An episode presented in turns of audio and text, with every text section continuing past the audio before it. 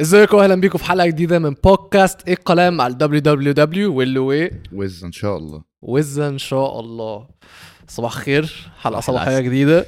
آه عامة حلوة الصباحية دي.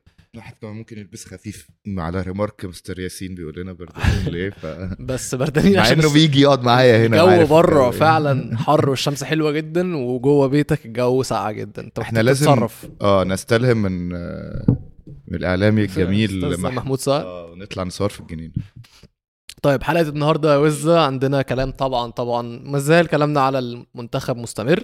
تم تعيين الكابتن حسام حسن مديرا للمنتخب. أكيد في كلام كتير جدا على الموضوع ده.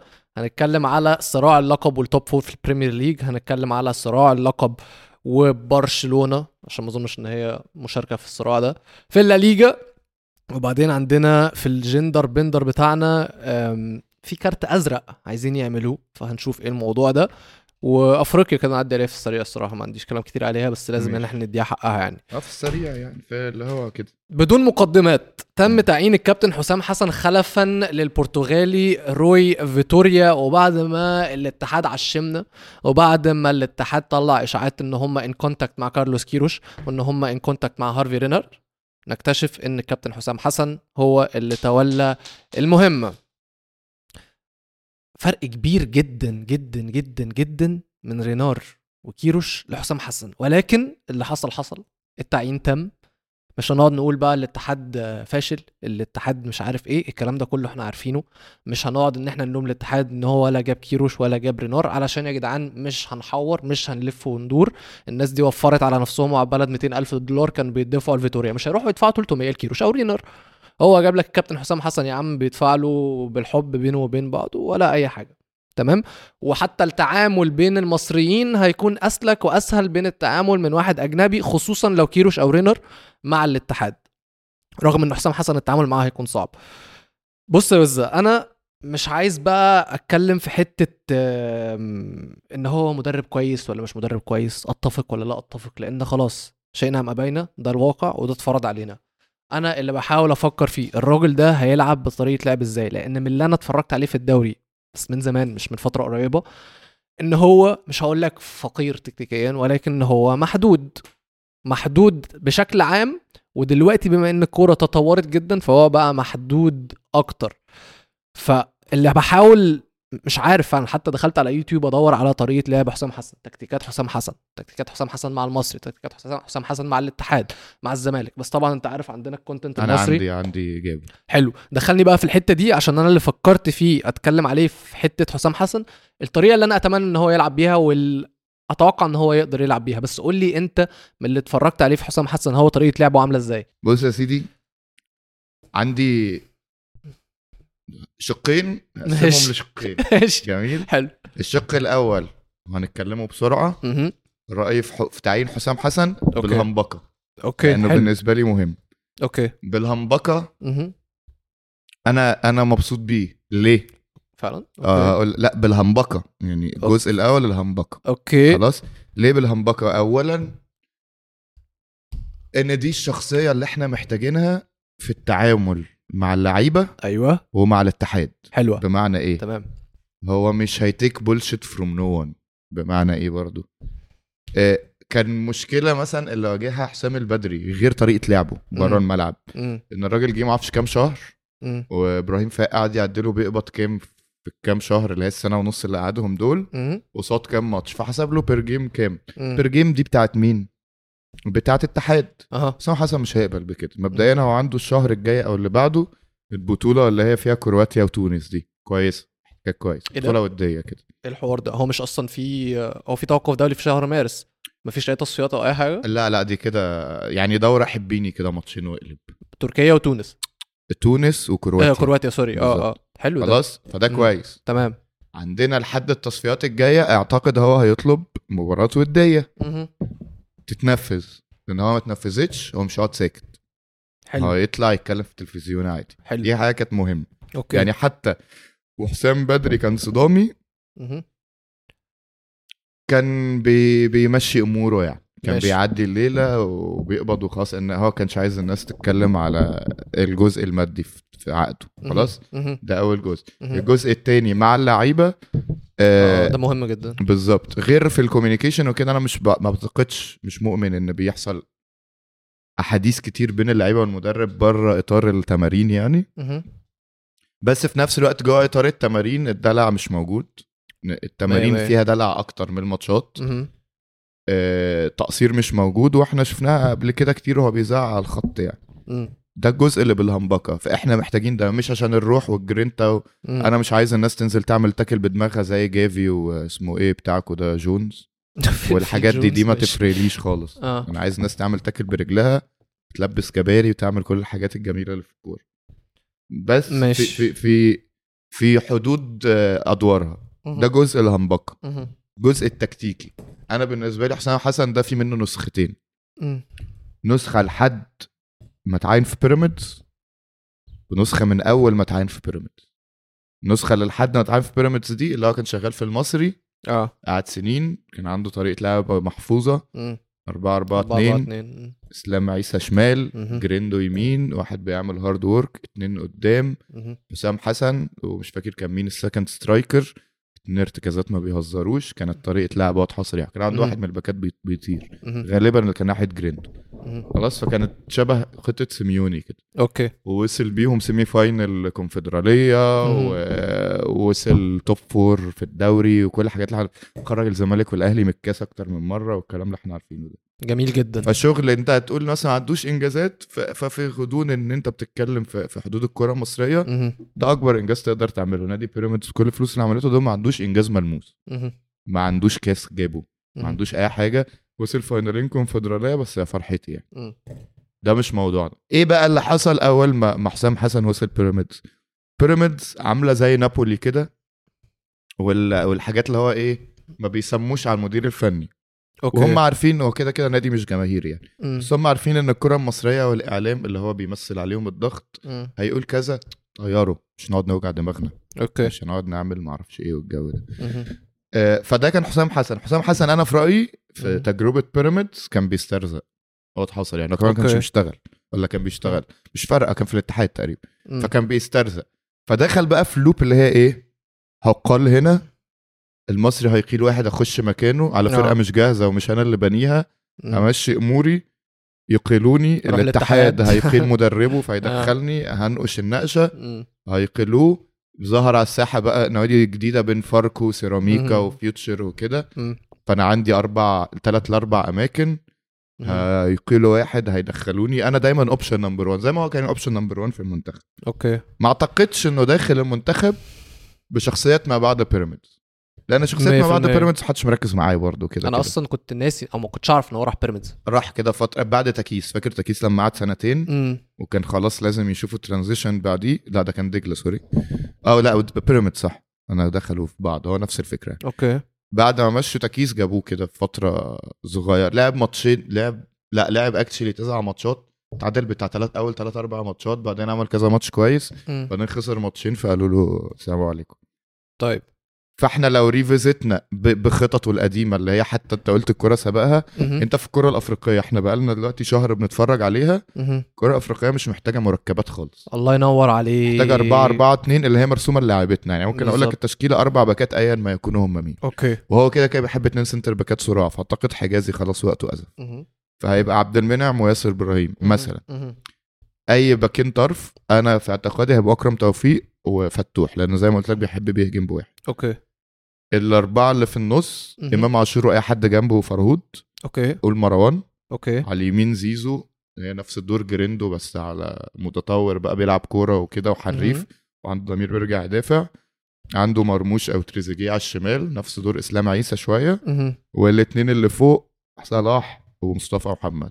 هيلعب 4 4 2 plug and play أنا شايفك إحنا أصلا كنا بنلعب 4 2 في البطوله اللي فاتت دي في مراحل كتير. مهم. كان كان بنقراها 4 3 3 بس عشان بتنزل على LiveScore 4 3 3 بتفتكر زيزو في نص الملعب مم. وصلاح فتح على الخط وكده بس actually قبل ما صلاح يتصاب كان دايما في الحتة اللي هي تحت ال striker.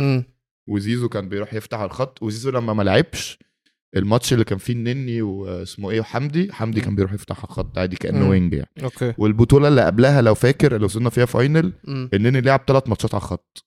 حتى كان إمام عاشور لما راح مع ميدو وسأله السؤال ده صريح انت كنت مستريح في الباك يمين والنني قدامك ولا مش فاكر كانت مين تاني بيلعب قدامه قال له لا والنني قدامي عشان كنت بعرف اطلع من ظهره كده ما كانش. بيطلع ففي شكل معين كده أنا حاسس انه لا قوي على على حسام حسن. هينجح ولا لا؟ ده ده ده ما أعرفش طبعا يعني مفيش أي حد يعرف. هيشتغل بدماغه ولا لا؟ هيشتغل بدماغه. حلو. أنا هيغير من نفسه آه يعني آخر حاجة اقولها لك. هيصلح علاقته بصلاح أيوه هيبفر علاقته هيحاول إنه يدخل حد أو هوافر بقى الجهاز بتاعه مش هو اللي هيبقى بيتعامل مع اتحاد الكورة. بس هو اللي هيبقى بيتعامل مع حازم يعني لو فاهمك. هيتعامل مع حد في اتحاد الكورة فهيتعامل هيتعامل مع حازم إمام أوكي لحد ما ينشق الحتة دي ويقوم مدخل حد م. أنا جهاز وأنا ما أعرفش مين وما أعتقدش إن إبراهيم حسن هو اللي هيتعامل مع البتاع أنا ما أعرفش مين إداري المنتخب م. ما أعرفش مين مدربين الأحمال مدربين الجو... آه، مدرب الجوان سعفان. الصغير آه م. آه، صدامي شوية برضو عنده مشاكل بس ما أعتقدش هيعملها مع المنتخب آه، الجهاز مش عاجبني أكتر حاجة بس يعني تمام يعني لاقي على الحقبة شوية يعني. بص أنت اتكلمت في نقطتين مهمين سيبك بقى من حتة الهمبكه لأن أنا بتفق معاك فيها جدا مم. النقطة الوحيدة اللي ممكن يكون عندي عليها علامات استفهام آه، موضوع صلاح ولكن مش هتطرق له دلوقتي بس النقطة التانية اللي أنا عايز أتكلم فيها فكرة إن الكورة الأفريقية مش محتاجة أي حنيكة تكتيكية أو أي ابتكار أو أي حاجة وفعلا إن هو لو هيلعب بطريقة لعب 4 4 2 لو قدر إن هو يخلي اللعيبة بتاعته إن هم يلتزموا وقدر إن هو يحط خطة تكون محترمة مش هقول لك جحدة مش هقول لك جهنمية مش مش هقول لك آه إن هي أحسن خطة في العالم فتاكة. يقدر إن هو يوظف كل واحد في البوزيشن بتاعه بالأدوار اللي هو فعلا متمكن فيها لأقصى درجة خلاص. هنقدر إن إحنا المنتخب ده هيقدر إن هو يحقق حاجات. لأن اللي أنا شفته عامة الفترة اللي فاتت يعني بدور على أمثلة برضو مثلا. يعني أنت تكتيكيا ممكن تختلف معايا طبعا بس أنا بتكلم كال casual fan ساوث جيت مع إنجلترا. هو ساوث جيت مش أحسن مدرب في العالم. الفريق بتاع إنجلترا ده لو مسكوا مدرب أحسن من ساوث جيت يقدر إن هو يوصل معاه يقدر إن هو يحقق أكتر من اللي ساوث جيت عمله رغم إن ساوث جيت حقق كتير أصلا. مم. تمام؟ ولكن في الأول وفي الآخر لو رحت سألت أي حد هل ساوث جيت ده مدرب كويس أو مدرب world class first tier يستاهل يكون موجود مع الفريق ده يستاهل يدرب العيال دي هيقول لك لا طبعا الفريق ده يستاهل أكتر. تمام؟ ولكن هو اللي بيعمله هو إن هو معاه مجموعة لعيبة talented جدا جدا. وإن هو م- يعني على قد إمكانياته المحدودة جدا بيعرف إن هو يحط كل لعيب في مكان يقدر إن هو ي excel فيه. بس كده. لأن. اللعيبة هتقوم بالباقي. تمام؟ كان في ناس بتقول على ديشامب كده برضو إن هو معاه فريق فتاك فهو مش بيتعب في التكتيكات قوي. ولكن ما ينفع أنا من وجهة نظري ما ينفعش نقول على ديشامب كده لأن هو بقاله كتير جدا. ما ينفعش لا وفرنسا في لعيب كتير لعيبة كتير مدللة. هي نفس فكرة فرنسا دي نفس فكرة ريال مدريد. مم. يعني ريال مدريد مثلا عندها ثلاثة بيلعبوا على الشمال. والثلاثه انت عايز تلعب بيهم. مم. فموائمة إن الثلاثه يبقوا مستريحين في الملعب دي credit to كارلو. نفس الكلام ده أقدر أقوله على ديشان أنا ما بحبش ديشان خالص. بس بتقدرش بس تقول عليه إن هو مدرب تعبان. بي fit رابيو. وجريزمان ومبابي بالظبط. وديمبلي وكلهم يبقوا مستريحين.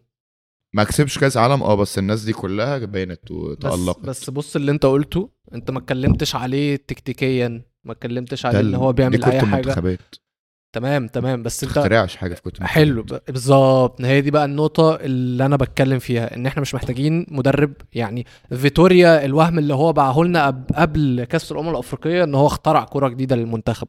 التحولات والمثلثات والمش عارف إيه وبتاع رغم إن ممكن عامة بأفكار أبسط من كده تقدر إن أنت تطلع حاجة أكتر من ال فاكر حبشتكنات خطة سكالوني في كأس العالم اللي هي من سنة يعني؟ كان كانت عبارة عن إيه؟ إنه بيحط ميسي في المكان اللي إحنا كنا بنتكلم فيه لصلاح جنبه ألفاريز. مصطفى محمد طبعا مع الفوارق بس عشان أخلي الناس كمل. كمل. آه مفهومة وبيرص الناس اللي بعد اللي تحته مم. نفس الفكرة. ماكاليستر كان هو ال wing اللي بيعمل الدور الزيزو- الزيزوهي دي ماريا ال winger اللي بيعمل الدور المرموشي اللي. هو عندوش conservative بتاع. وبيحط في نص الملعب اتنين عساكر ديبول وإنزو. ديبول يتخانق مع اللي هيتخانق مع اسمه إيه؟ وإنزو بيبني لعب وإنزو بيلعب كورة. هو ده اللي انت كل بص غمض عينك وامشي على كل المنتخبات. هتلاقي أي منتخب فيه نجم لازم تعمل كده وراه وهو مش هيديك أي contribution دفاعي. ناخد بالك صلاح لا هيضغط. ولا هيلتحم وازيدك من الشعر بيت مم. بيكسل لدرجة إنه مش هيقفل لك passing lane يعني مش هيقفل لك فاهم الباصه اللي بين ال center back وال full back. هو هوا. نفس فكرة ميسي. ميسي كان هوا في الحتة دي. مش بيعمل أي contribution دفاعي. ممكن إنه كان بياخد الكرات التانية بعد ضغطة الفاريز. ده اللي أنت محتاجه. ده ده بالنسبة لي رأيي. ده اللي حسام حسن محتاج يعمله. محتاج حسام حسن محتاج يعمل خطة توائم صلاح ومرموش ومصطفى محمد وامام وزيزو هو ممكن يبني حياته على هل هو. هيقدر يعمل كده؟ طبعا. انت كل ز... هم بالصدفة يعني انت ان wing ان واحد أيمن بيستريح أكتر على اليمين دي نادرة. طبعا. فزيزو ظبطها لك. مم. مرموش versatile جدا في الأماكن فوق. مرموش أريح حاجة إنه يلعب مكان صلاح. مم. خلاص. فلنفترض السيناريو ال extreme إنه ما يعرفش يصلح مشكلته مع صلاح. ما عندوش مشكلة ما زال. يحط مرموش هنا ويرمي أي حد على الشمال. بس مش ده موضوعنا هنسبق كده الأحداث. قصدي إن الفكرة 4 4 2 بتاع حسام حسن مم. وكورة المنتخبات بتاعت تلزيق. اللي شفتها مع سكالوني شفناها مع ديشان شفتها مع ساوث جيت. إن هو عنده فودن وبيلينجهام وساكا وراشفورد وما أعرفش مين هو. لازم يوائمهم مع بعض فبيعمل إيه بيلعب فودن شمال وساكا يمين. وبيلينجهام في حتة وكين في حتة والجو ده عشان يخلي الأربعة يخلوا الأربعة كويسين okay هو ده اللي كل منتخب في العالم. بيعمله ده اللي البرازيل كانت هتبيض وتجيب أنشيلوتي عشان عشان هو أكتر واحد هيعرف يحط لهم رودريجو مع فينيسيوس مع نيمار لو سليم مع مم. اسمه إيه با- باكيتا مع الناس دي مم. من غير ما ت lose قوتك يعني في كأس العالم كانت مشكلة البرازيل في ماتش كرواتيا كان كانت. مساحات في نص الملعب وهكذا غمض عينك وحتى منتخب كرواتيا منتخب المغرب تك تك تك تك تك محدش فيهم بيقدم مردود تكتيكي عالي كله بي serve النجم الأكبر ودي المنتخبات عامة يعني. طيب. عظيم جدا. نقول في أمل؟ آه آه، خلينا نتفرج يعني. أنا برضو يعني أنا أنا ما عنديش آه ما عنديش اعتراضات على حسام حسن والهستيريا اللي حصلت دي. مم. زي في نفس الوقت ما عنديش منادات رهيبة بحسام حسن. مم. طبعا ال ultimate dream كان بالنسبة لي إن يجي هيرفي رينار. مم. بس عادي. طب علاقته مع اللعيبة عامة لأن حسام حسن معروف عنه إن هو مش عايز إن أنا يعني أقول كلام مش لذيذ قوي ولكن هو مش أسهل حد في التعامل. التحاماته مع اللاعبين بتكون فيها ألفاظ بيكون فيها قلة أدب. الكلام ده مش هيمشي في المنتخب ولا مع المحترفين ولا مع المحليين اللي في المنتخب اللي أنت بتتكلم على لعيبة من كالبر عالي جدا عندهم كرامة عندهم عزة نفس. مش هيسمحوا إن حد يتكلم معاهم بالأسلوب ده. فحسام حسن هو مضطر هو كده كده لازم إن هو يادجست في طريقة تعامله مع اللاعبين عشان مش هينفع لو خلى لو بوظ العلاقة بينه وبين اللاعبين فده هيأثر على مستوى اللعيبة هيأثر على مستوى المنتخب بشكل عام وهيأثر على وظيفته هو كمان مم. فهو كده كده مضطر إن هو يعدل في طريقة تعامله مع اللعيبة الناس اللي كل اللعيب اللي كل الناس بتتكلم عليه طبعا هو صلاح وفيرلي لأن في كأس الأمم الأفريقية اللي هو لسه الشهر اللي فات قبل تعيينه بأسبوعين بعد إصابة صلاح كان بيقول أنا لو في المنتخب وصلاح مشي مش هرجعه. سمعت تقارير كده بتقول إن هو ناوي يسافر للمحترفين عشان يتكلم معاهم وإن هو رايح لصلاح ليفربول علشان يصلح العلاقة أو علشان هو يكلير اير يصفي الدنيا بينه وبين صلاح. ما كانتش هي دي النقطة اللي أنا عايز أتكلم فيها بس أنا هسألك سؤال دلوقتي. مين أكبر في المنتخب صلاح ولا حسام حسن؟ المدرب ايا كان اسمه. لا لا لا لا لا لا ده انت في أي منظومة محترفة. أنا اللي بتكلم عليه دلوقتي. كاسم؟ حسام لا. لا أنا بتكلم عليه دلوقتي. أكيد حسام حسن بس اللي بتكلم عليه دلوقتي المنتخب. لو حصل كلاش بين صلاح وبين حسام حسن وحسام حسن في فترة غير موفق فيها ولكن لسه بدري اللي هو محتاج شوية وقت. لو صلاح قلب على حسام حسن هيعرف يمشيه؟ آه، ده سؤالي.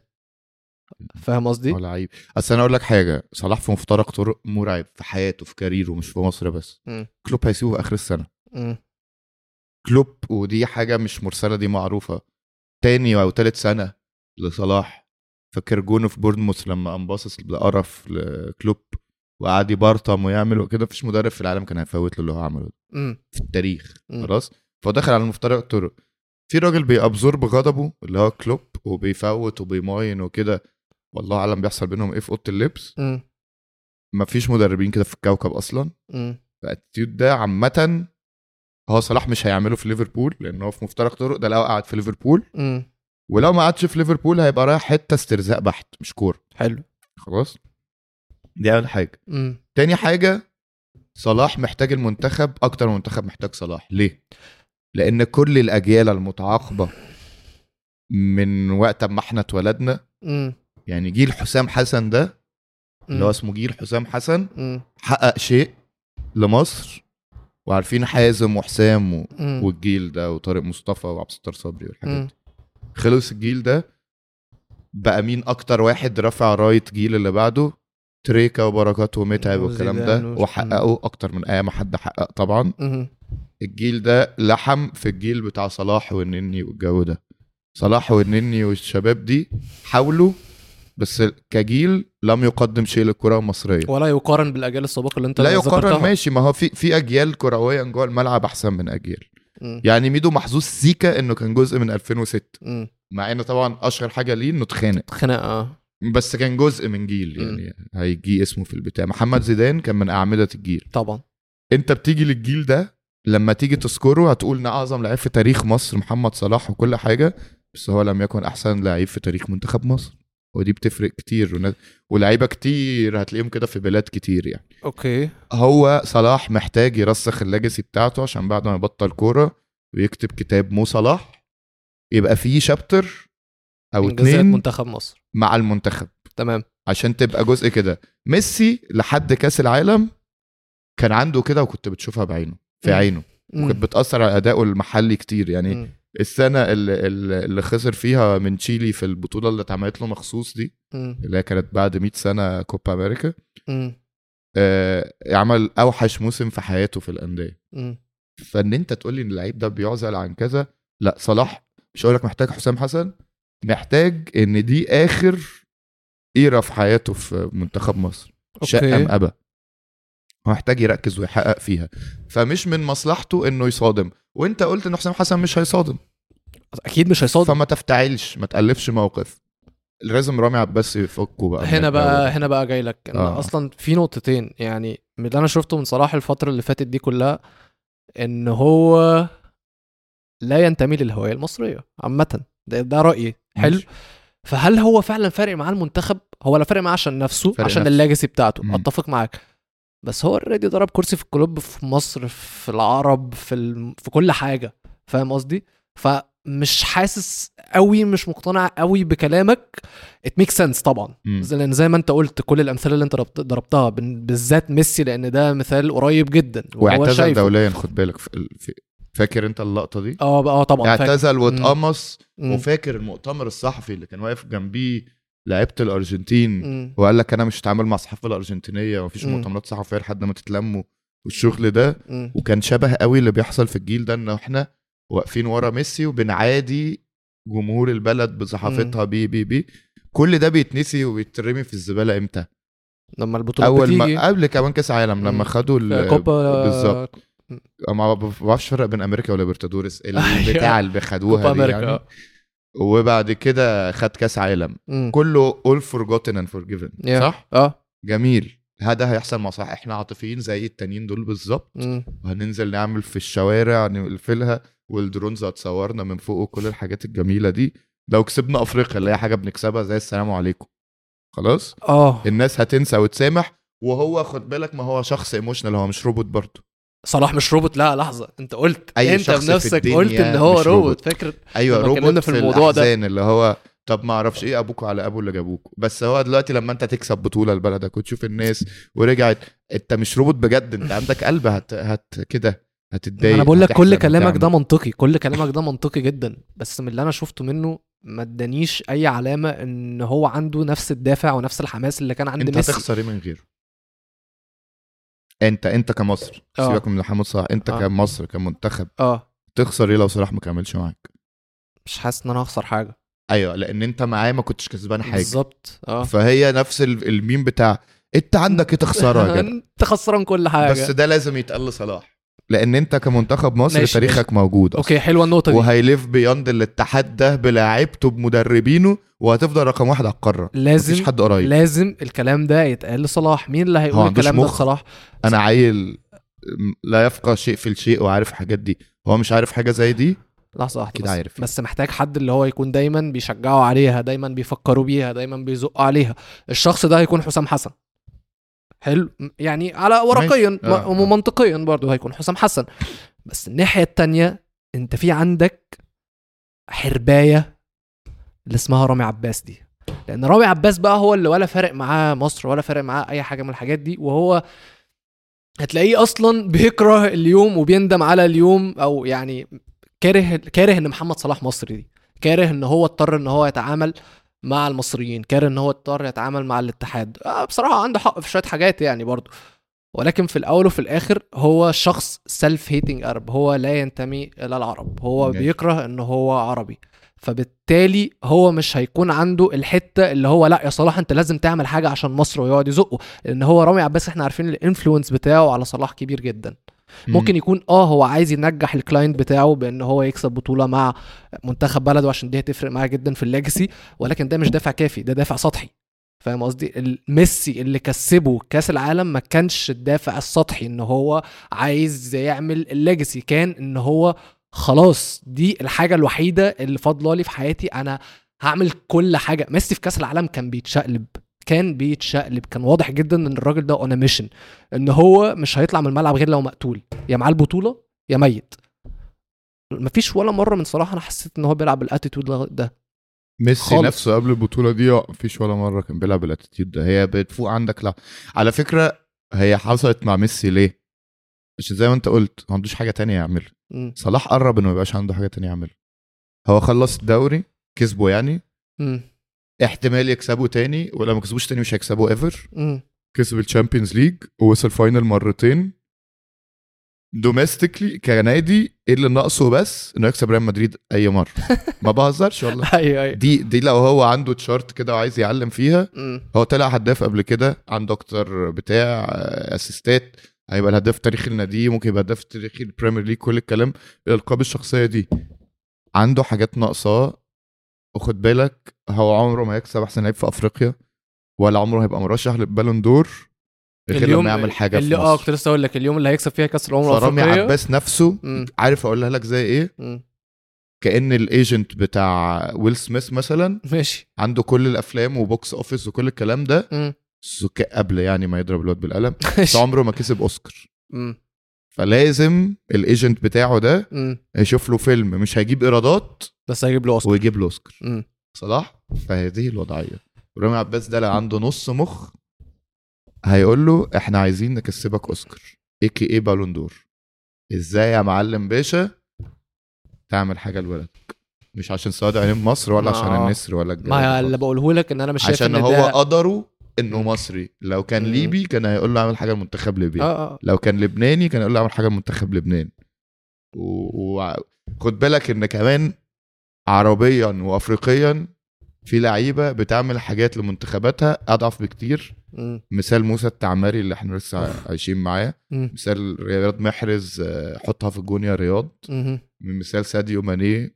سنة كاملة شال بلده على كتفه مم. مثال اوزمان إحنا عايشينه دلوقتي مم. الراجل اللي بيبقى رايح هو الجون يبص للي جنبه عشان هو اللي يجيب جون. وبيتبدل ما عندوش أي مشكلة فالأمثلة اللي سابقة صلاح محليا من جيله مم. محليا أزن مع بلده في آه، جيله آه. أكتر من إنها تتعدى على الإيد الواحدة. وفي قارته أنا مش بقول يعني في انتماءاته سواء قارته أو عروبته. هو لا رقم واحد منتخبا كعربي مم. ولا رقم واحد منتخبا كأفريقي. فاهمك. فهو ما عندوش سبيل تاني. زي على فكرة حسام حسن ما عندوش سبيل تاني غير إنه ينجح مع منتخب. ما عندوش حاجة تانية. بص أنا شخص عامة سينيكال يعني أنا بتوقع الأسوأ. أسوأ. تمام؟ ومن صلاح بالذات هو ما ادانيش أي سبب يدعو للتفاؤل أو يدعو للدعم إن أنا أدعمه عامة. ومن اللي أنا شفته منه هو إن أنا مش حاسس إن هو عنده دافع كافي إن هو يخليه عايز يحقق ليجاسي مع منتخب مصر رغم إن هي منطقية جدا. ولكن زي كل مرة أنا بتمنى إن أنا أكون غلطان زي ما أتمنى إن أنا أكون غلطان في أي حد عامة أنا بتوقع منه الأسوأ. وبالنسبة لصلاح أنا عايز منه إن هو يجيب بطولة للمنتخب مش عشان خاطره بس عشان مصر ليها هيبة وليها اسم في أفريقيا. مصر إحنا بقالنا من كام؟ من 2010 إحنا مهزئين في أفريقيا. آه. بنوصل final ات وكل حاجة بس بأضحوكة يعني. مش يعني مش طبيعي. فلازم ورغم كده رغم كده إحنا كسبنا 2010 يعني بقى لنا 14 سنة. بقى لنا 14 سنة إحنا أضحوكة ورغم كده كل فرقة بتنزل عاملة لنا حساب. فا it's about time ان إحنا نرجع تاني وان إحنا يعني at least نرجع الاحترام ده لنفسنا لأن إحنا بدأنا نفقده عامة. الفرقة بدأت إن هي ما تخافش منا. كان المغاربة وليد رجراجي بيتكلموا علينا في كأس الأمم الأفريقية اللي هو دي عيال مهزأة. أنا مش خايف منهم. أنتوا ليه بتتكلموا على مصر؟ آه، ده فريق أنا مش مهتم بيه أساسا. الكلام ده ما كانش حد يجرؤ إن هو يقوله مش عشان الهيبة ولا مش عشان الهيبة ولكن عشان هو عارف إن هو لو كان لاعب مصر مصر هتقرقشه. تمام؟ ده كله كلام معلبات زي ما أنت بتحب تقول. ولكن إحنا شفنا وحش كتير جدا مع المنتخب. و it's time إن إحنا نشوف حلو. إحنا كجمهور عايزين نتبسط. خلاص مم. العلاقة بيننا وبين المنتخب ما بقتش زي زمان عشان المنتخب ده ولا هو بيكسب ولا هو عنده روح ولا هو عنده أي حاجة. فأكيد أكيد محدش يتمنى إن الوضع ده يستمر وأكيد أكيد كلنا نتمنى إن الوضع ده يتحسن. فزي ما أنا بقول لك عشان كده رغم إن المعطيات اللي قدامي مش أحسن حاجة وأنا مش شايف فيها أي أمل أو أي أو إيجابيات كتير ولكن أتمنى إن أنا أكون غلطان وأتمنى إن كل الناس دي تثبتني غلط وأتمنى إن إحنا نقدر نحقق حاجات وأتمنى إن صلاح يقدر يكسب البطولة اللي هو عايزها وأتمنى إن حسام حسن يكسب بطولة لأن دي برضو هتكون قصة خيالية جدا حسام حسن مع المنتخب كلاعب وحسام حسن مع المنتخب كمدير فني أقفلها لك بالسيناريو الدريمي بالنسبة لي قوي. قوي قوي يعني يكسر بقى صلاح يكسب يكسر رقم حسام. حسن خالص أمال حسام حسن يقفش مع صلاح زي ما حسن شحاته قفش مع ميدو. آه. فيفكس له أوف. ويقفش مع مع اتحاد الكورة. بعدين يكسب بطولة فلا صلاح ياخد credit ولا اتحاد الكورة ياخد credit وهو لا ولا اتحاد الكورة ياخد credit ماشي إحنا سيبنا من المحلي عايز نعدي على الأفريقي وبعدين نروح أوروبي ولا نروح أوروبي الأول؟ أنا المطرشم إيه ده الافريقي جيت منين؟ الافريقي. طيب الأفريقي عندنا نهائي. ماشي. نيجيريا وكوتيفوار والسيناريوهات عامة بتوع الماتشين ال semi final أنا يعني برضو آخر مرة قعدت أطبل البطولة دي وقعدت أقول لك إن أنا بعشقها وبعشق قصصها فصلتني. بس بجد مثلا نبدأ بالسيناريو اللي حصل في ماتش نيجيريا وجنوب أفريقيا. ده مش منطقي إن نيجيريا تكون كسبانة 1-0 وبعدين تجيب الجون الثاني وبعدين الفار يرجع يتأكد من صحة الجون يلاقي إن في بينالتي لجنوب أفريقيا قوم راجع حاسب البينالتي لجنوب أفريقيا جنوب أفريقيا تتعادل يخشوا extra time بعدين يوصلوا البينالتيات وبعدين نيجيريا تكسب. ده ده ده, ده عارف لو يعني إحنا لو حاولنا نكتب سكريبت مش هنكتبه كده. لو حاولنا نكتب سكريبت فعلا مش هنكتبه كده. على الناحية التانية عندك كوتيفوار كوتيفوار مبدئيا القصة بتاعه كوتيفوار عامة اتكلمنا فيها كتير إن هم أقالوا المدرب بعد دور المجموعات وفي معلومة عرفتها أصلا المدرب بتاعهم ده ده تالت ماتش ليه ك senior level اللي هو قصه لذيذة قوي الراجل ده بس ممكن نحكيها. لما يكسبوا البطولة. لا لا لا لما يكسبوا البطولة؟ آه. انت شايف ان هم هيكسبوا البطولة؟ أنا أنا قلت لك من أول بطولة أنا في البطولات دي لا أؤمن بكرة القدم حلو. أنا أؤمن بالسكريبتات 100 100 والسكريبت أول لما حصلت النقط دي بتاعت كوت ديفوار قلت لك السكريبت اتكتب. في سكريبت تاني على عليها فكرة. الكوره كتبته خلاص. في في سكريبت تاني بعيدا هو عن الطرفين ال final script سواء نيجيريا سكريبت اللي هو ده ال- ده المكافأة لما تقعد تشتغل سنين كويس مم. slash لما تجنس ناس كويسة اللي هو نفس اللي المغرب عملته يعني هي أنا البطولة بص يا جماعة أنا عندي القارة رهن. دي قارة تجنيس آه. في في بس آه، حاجة عايز اتكلم في سكريبت تاني عامة لكوت ديفوار ولكن هو سكريبت فردي وليس سكريبت جماعي سكريبت بتاع هالر آه لا ده ده ده ده, ده سكريبت فيلم. سينمائي آه آه. بالظبط فهو فعلا السكريبت رايح مع كوت ديفوار وفي سكريبت تاني برضو إن البطولة دي بطولة ال upsets زي ما بيقولوا. بطولة المفاجآت. ولو السكريبت ده هو اللي هيمشي للنهاية فنيجيريا هي اللي هتكسب فهي عندها سكريبت ولكن هو أضعف شوية. okay. أم، ولكن السكريبت الأقوى هو طبعا بتاع كوت ديفوار بس أنا عندي rant اية بس علشان شفت article The Athletic كانوا كاتبينها تمام. بيتكلموا إن وصول نيجيريا للنهائي أو كان نص النهائي مش فاكر هي كانت كتبت إمتى بالظبط. الفضل ليها هو قوامهم البريطاني. حرقت لي دمي بشكل مش طبيعي مبدئيا. أنا مش مصدق إن هم إزاي ما حسوش بأي نوع من أنواع العنصرية وهم بيكتبوا المقال دي. ما حسوش بأي نوع من أنواع العنصرية في ال title. المقالات دي بتعدي على ناس كتيرة جدا. بتعدي على كاتب بتعدي على اديتور بتعدي على رئيس تحرير. وازاي ما فيش ولا واحد منهم اخد باله ان في اي حاجة غلط في العنوان أو في الانجل ال المقالة دي. يعني عايز تتكلم ان نيجيريا نجاح كبير جدا آه، أو فضل كبير جدا لنجاحها في البطوله يعود للعيبة المجنسة اللي بتلعب في الدوري الانجليزي ولا بتاع- حلو مفيش مشكلة قول الكلام ده لأن هو حقيقي مش هتقدر ان انت تهرب منه. ولكن ما تجيبهاليش بطريقة ان ال المواطن الافريقي سبب نجاحه هو المواطن الأبيض الإنجليزي. يعني إحنا زهقنا بجد زهقنا من كل حاجة. عنصرتوا علينا بكل الطرق الممكنة. وبعدين الفكرة في الأثليتيك عندهم نوع من أنواع البجاحة أو عامة الرجل الأبيض عنده نوع من أنواع البجاحة الفترة دي إن هو اللي بيحدد إيه اللي عنصري. يعني. هو اللي يحدد إيه اللي يضايقك. هو اللي يحدد أنت إمتى تبقى offended وإمتى ما تبقاش offended رغم إن أنا اللي تم الإساءة ليا. أنا اللي اتعنصر عليا. أنا اللي أقول لك أنت عنصري أو أنت مش عنصري دلوقتي. بس هم عندهم من البجاحة إن أنت لما تقول لهم اللي أنت بتقوله ده عنصري يقول لك لأ ده مش عنصري. أنت تفهم إيه على العنصريه أصلا. نفس الكلام بقى بطرق مختلفة جدا بطرق مباشرة زي اللي بيحصل عامة ب- بس هي مش في عنصرية anti-Semitic دلوقتي اللي بقت اللبان اللي بتخرس أي حد هم اخترعوا نوع من أنواع العبارات اللي تخلي أي حد يخرس وما يعرفش يتكلم. واحدة منهم كلمة anti-Semitic أنت معادي للسامية اللي هو أنت لو بتتكلم على أي حاجة واحد دخل قال لك أنت معادي للسامية حطك في حتة اللي هو أنت لو قلت له لأ أنا مش معادي للسامية وبدأت تتكلم على السامية هتبان إن أنت معادي للسامية فأنت ما اللي تتكلمش هي كانت من سنتين you're sexist misogynist. كل الحاجات دي. بالظبط. في بقى طرق غير مباشرة تانية. يا حبيبي اللي انت بتقوله ده ده Athletic اللي انت بتقوله ده معنى اللي انت بتقوله في ال headline في المقالة دي زي ما أنا قلت ان الافريقي ما ينفعش ينجح بنفسه ان الافريقي ما عندوش المقومات اللي تخليه ينجح. مفيش مفيش مخ ما بيفكروش. الناس دي ما بتفكرش. الناس دي ما عندهاش الدم اللي يحسسهم ان هم غلطانين في أي حاجة. والناس دي بيكون عندها البجاحة إن هي ما تعترفش بغلطها رغم إن هم بيكونوا عارفين أحيانا إن هم عاملين م- مصايب لأن بيكون في مقالات هم بيكونوا قافلين الكومنتس عليها. athletic. لا لا هم بيبقوا عارفين اللي فيها. آه عندي رد الموضوع ده سهل وبسيط وهي حصة تاريخ صغيرة مختصرة جميلة كده. امم نبدأها من الأول بس كده الجزء السطحي. آه منتخب نيجيريا فيه إنجليز كتير. جميل؟ ماشي. أمين. نرجع للنقطة دي. ويوبي ما أعرفش إيه الجو ده. okay. منتخب كاب فيردي كلهم في الأصل برتغاليين. منتخب أنجولا نفس الكلام. منتخب المغرب كلهم هولنديين. زياش الاخوين مرابط. مزراوي كل الناس دي كانت هولندي. كل الناس دي لعبوا أصلا في نفس المنتخب. تمام. جميل؟ غانا نفس الكلام. هتلاقي معاها عندها تونس هتلاقي عندها الجزائر. هتلاقي يعني حسام. عوار. وكمان بقى على الناس اللي بتكسب حاجات. آه آه. خلاص؟ هتلاقي عندك كوت ديفوار كلهم. آه ويلي بولي ال centre back. ده كان فرنساوي لحد أول امبارح.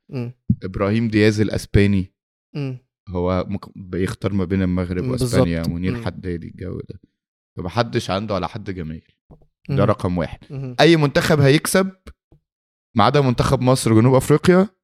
حد هياخد ال credit ليه بقى هنا تأتي حصة التاريخ. في قارة قاعدة في حالها مزيج من الناس أصحاب البشرة السمراء. أصحاب البشرة القمحية. قاعدين في حالهم. يا بيتكلموا لغتهم الأفريقية يا بيتكلموا لغة عربية اللي في شمال أفريقيا. قرر مواطن أبيض ما عندوش شطافة في بيتهم ياخد المركب بتاعته وينزل على القارة دي. مم. يعمل حاجتين. يا يحتل بلاد فيها زي الجزائر زي المغرب زي ليبيا زي مصر زي كل القارة. جميل. يحتلها بمعنى إنه يقعد فيها. ويحط الجيش بتاعه وينشر ثقافته. مم. فتلاقيهم بيتكلموا فرنساوي تلاقي نيجيريا بتتكلم انجليزي تلاقي جنوب افريقيا بتتكلم انجليزي هتلاقي انجولا بتتكلم برتغالي وكده. هم اختاروا الكلام برتغالي؟ لا. انت مستعمر دخلت البلد حاولت تغير في ثقافتها فغيرت. الشق التاني اللي هو ال layer الأوسخ بقى. مم. انت خدت ناس من البلاد دي ك slaves مهم. كعبيد رجعت بيهم على بلدك شغلتهم بالسخرة عملت عملت عملت. ال layer التالت طول ما انت قعدت في البلاد دي انت خربتها وهدمتها وبوظت لها اقتصادها وكده. فبناء عليه أهل إيوبي سابوا نيجيريا وسافروا إنجلترا. ليه؟ لأن أنت خليت حياتهم في نيجيريا لا تحتمل. طبعا. جميل.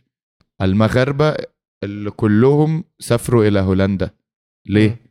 خدوا أول مركب لأقرب بلد فوق لأن الاستعمار الفرنساوي خلى البلد لا تحتمل مم. مجازر اللي حصلت في الجزائر اللي بناء عليه كريم بنزيما بقى فرنساوي زين الدين زيدان بقى فرنساوي مم. حسام عوار بقى فرنساوي الناس دي اتولد هتقول لي اتولدت في فرنسا إيه ده أنا أكبر. اتولد فرنسا لأهالي عندها من 50 ل 80 سنة اللي هاجروا في الفترة حوالين الحرب العالمية وحوالين المواطن الأوروبي ده لما كان بيفشخ الكوكب كله. من نقطتك سواء في ال anti-Semitism كان بي بيفشخ ناس يدينوا بدين معين ايا كان الرئيس بتاعهم لو هو أبيض زيه أو لو أسمر زينا أو لو قوقازي زي المغرب وكده. وعمل فيهم مذابح وعمل فيهم محارق فأجبرهم إن هم يهاجروا لنا. و eventually يهاجروا في مكان تاني.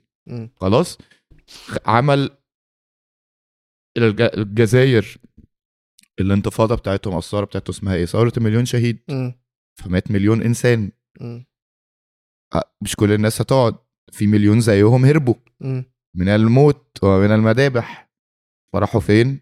راحوا فرنسا جميل آه فأنت دلوقتي لما أيوبي نزح هو وكل الناس الغنيين والنيجيريين بالذات. راحوا انجلترا بالذات لأسباب سياسية معروفة بالذات تقدر ترجع لها في كتاب التاريخ ويوتيوب وويكيبيديا واتفه مصادر في الدنيا. هتعرف المصايب اللي الإنجليز عملوها في نيجيريا وكده. تيجي انت تقول ال credit ده ليا؟ نفس فكرة انت إن بتدين نفسك أصلا نفس فكرة كده. إن انت مثلا تقول مايكل جوردن أحسن لعيب في تاريخ ال basket بسبب العبودية. بالظبط. بالظبط. انت بتدين نفسك بحاجة زي كده. بالظبط. يعني انت بتقول إن الناس دي وصلت نهائي كأس الأمم الأفريقية يرجع ليه القوام البريطاني بتاعهم حلو تعالى لي بقى هو ليه في قوام بريطاني ليهم أو ليه أنت شايف إن في قوام بريطاني الناس دي بسبب الاستعباد ورجعت. بسبب آه. الاحتلال بسبب كل حاجة وسخه انت عملتها في تاريخك الأبيض وقت لما قلت للناس دي انتموا لحاجة يا جماعة اختاروا ينتموا لبلدهم الأصل مم. ليه لأن في قرارة نفسه عارف إن أنت اللي عملت فيه كده مم. كل الغنيين اللي في إنجلترا وأنا أعرف ناس منهم شخصيا عايشين مم. هنا لما بساله أنت إيه يقول لي أنا غني بس هو بيقولها لي بأكسنت إنجليزي مم. أنا عارف إنه اتولد وعايش حياته في إنجلترا مم. بس عارف إن هو لا ينتمي لهذه البلد ولا يكن لها شيء إلا الكره.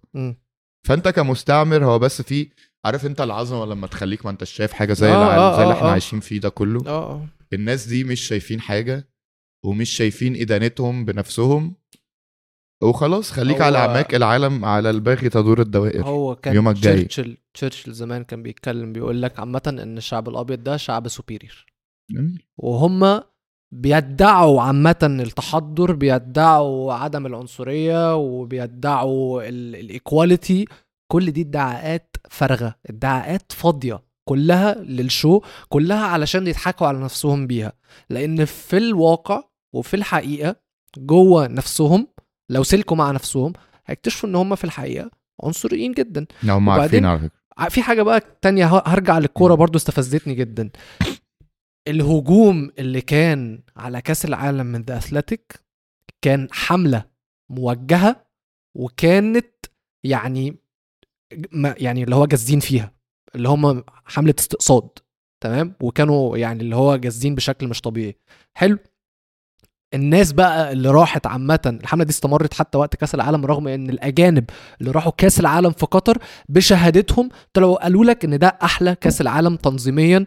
والحتة اللي هم في كذا حاجة بقى كان قال لك human rights وإن هم مانعين الشواذ ويعني إن هم يكونوا مانعين الالكهول ده جزء من ثقافة اللعبة وجزء من ثقافة كأس لا، العالم. جزء ثقافة تمام؟ الإنجليز. هم الوحيدين اللي الإنجليز. basic... طب ما الطليان بيسموكوا في المدرجات. ده بجد دي fact ماشي. الأسبان بيسموكوا في المدرجات.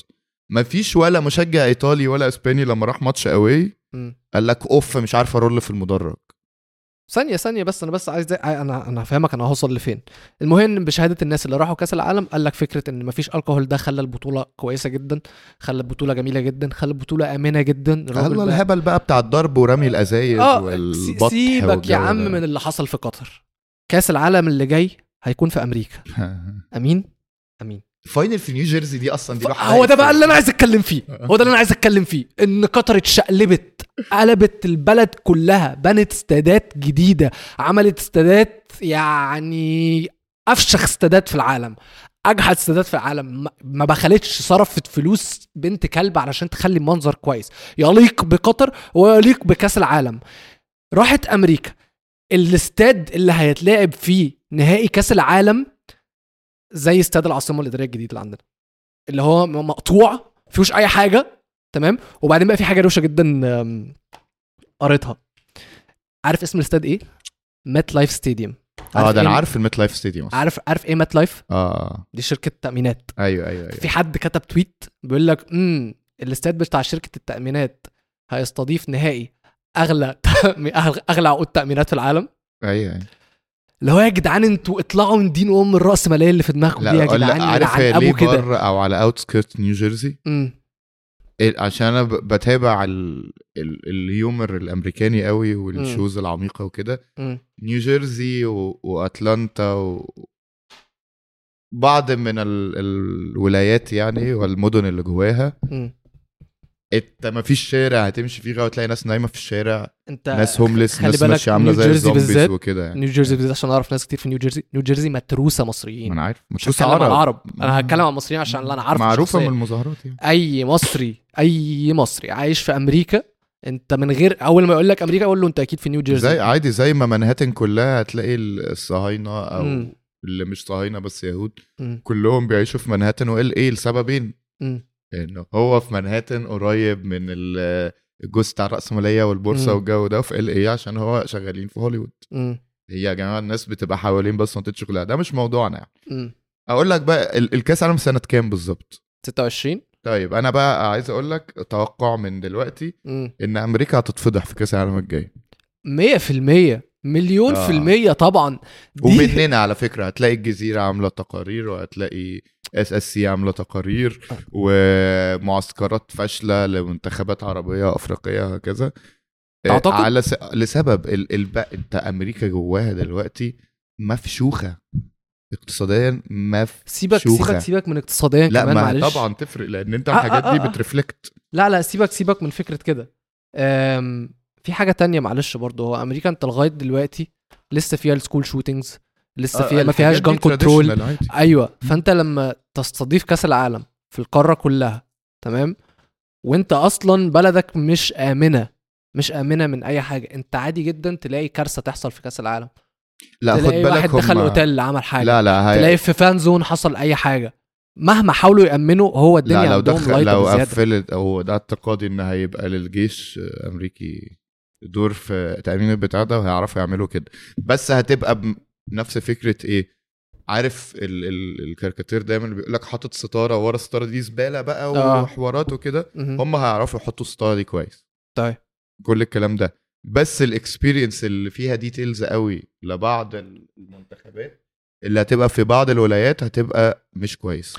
آه، ممكن أسألك سؤال؟ آه.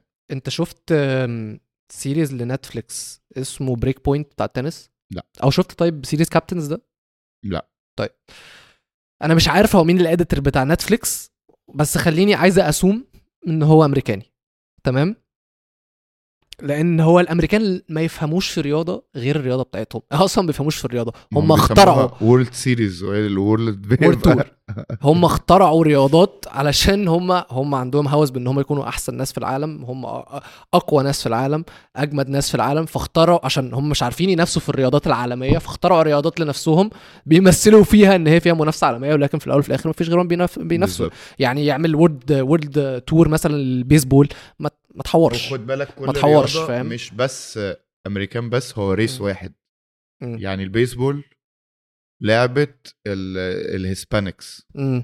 خلاص. ال NBA لعبه ال African American. ال American football ال American football لا لعبه شكل معين عارف ال- الأمريكان ال- football دي؟ ممكن أقول لك ده.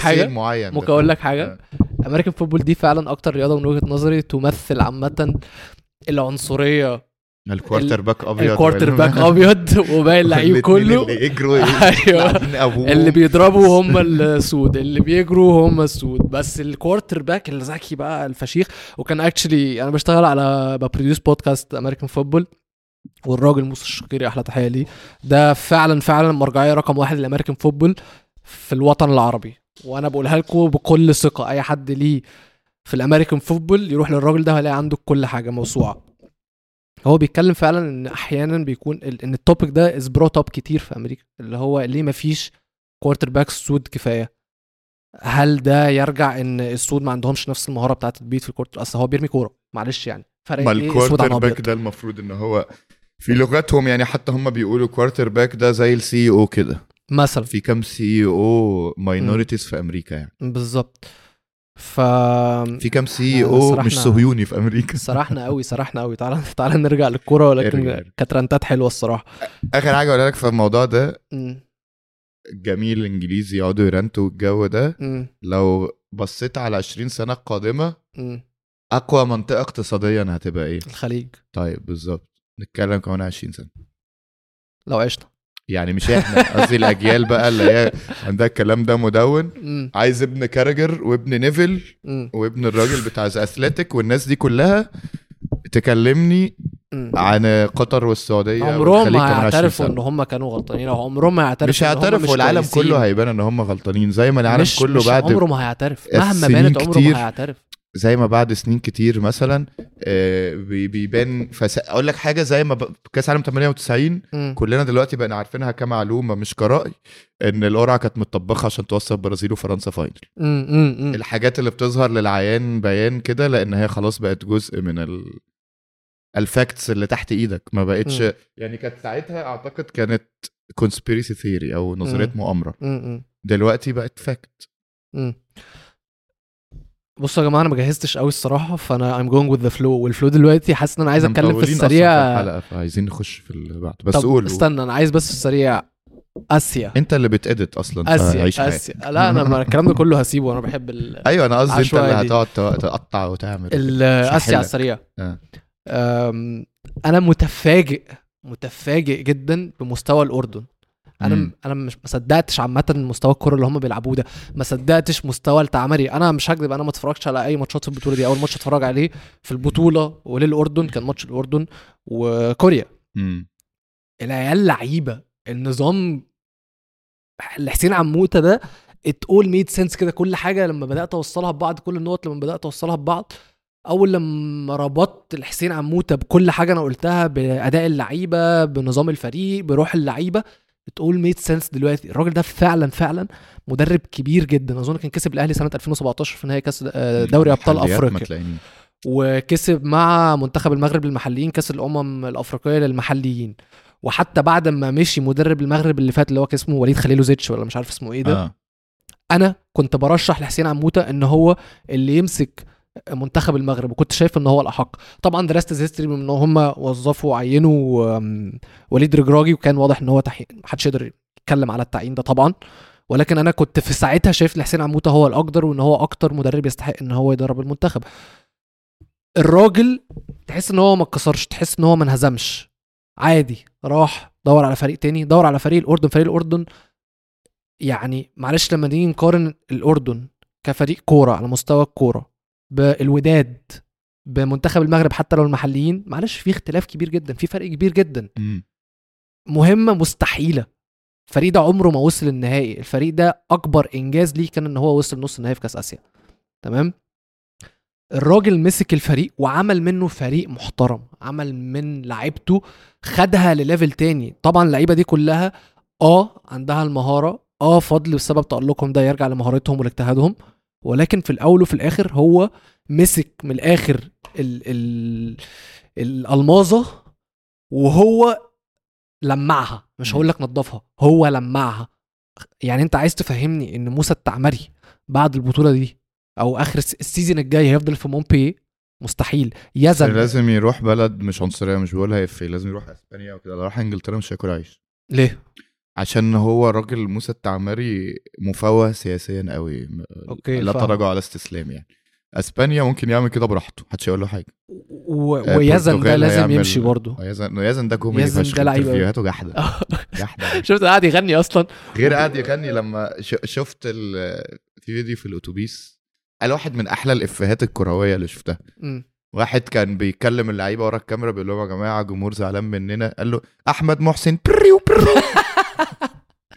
قفيته حاضرة وبعدين حاضرة مش آه. ثقافيا أردن بس. سريع فشخ وبشوش كده واد جميل. فاهم؟ وهو من. واحد من نجوم المنتخب يعني. أنا بصراحة كنت بشجع الأردن في ال... وأنا الأردن عامة ليها كمان. آه آه ليها معزة خاصة عندي لأن أنا عندي عيلة أردنية أحب أقول كده. أصحابي الأردنيين كتير فكنت بشجعهم جدا وأتمنى إن هم يكسبوا النهائي. بس طبعا هيكون صعب ضد قطر. ولكن تعال نشوف شوية similarities عامة سكريبتيا بين ماشي. آسيا وبين أفريقيا تمام؟ هم عامة مش متشابهين بس مت... في في سكريبت متشابه أصحاب الأرض. مم. ف هل هو هيكون في تناسق بين البطولتين؟ يعني لو جنوب أفريقيا ك... آه sorry لو كوت ديفوار كسبت قطر هتكسب؟ مش عارفين بس ده سكريبت في سكريبت تاني اللي هو بتاع ال upsets إن. هي بطولة ال upsets جور... آه الأردن عملت أكبر upset وصلت للنهائي. فهل هي هتكمل وتكسب؟ أنا نفسي إن الأردن تكسب لسببين السبب الأول إن خلاص قطر انت كسبتي البطولة اللي فاتت فكك مش مستاهل انك تكسبي ده كمان. مبسوط انك تكسبها في الإمارات كمان. وبس هنا بفتكر حاجة برضو من أكبر الماتشات اللي كسرت قلبي اللي كنت بفكر فيها بنفس الطريقة دي ماتش أو نهائي أتلتيكو مدريد وريال مدريد في ال Champions League. يعني أبو قلبك. لا بس بكلمك بجد والله أنا كنت بشجع ريال مدريد آه، أتلتيكو مدريد علشان ريال مدريد أنتوا وصلتوا وهتوصلوا final ال Champions League كتير. أنتوا تقدروا تكسبوا البطولة كتير. لا لا سيبوها. لهم سيبوها يا لهم. جدع على دسمه دي إحنا إحنا اتعذبنا قعدنا 12 سنة عبال ما وصلنا أصلا فاينل مش عبال ما كسبناها ماشي كان معاكم تسعة دول معاهم إيه زيرو؟ خلاص بقوا 14 طب شفت بقى- كانوش هيبقوا 14 شفت بقى لو كنت سبت. سبت لهم دي كنت هتحس بحاجة.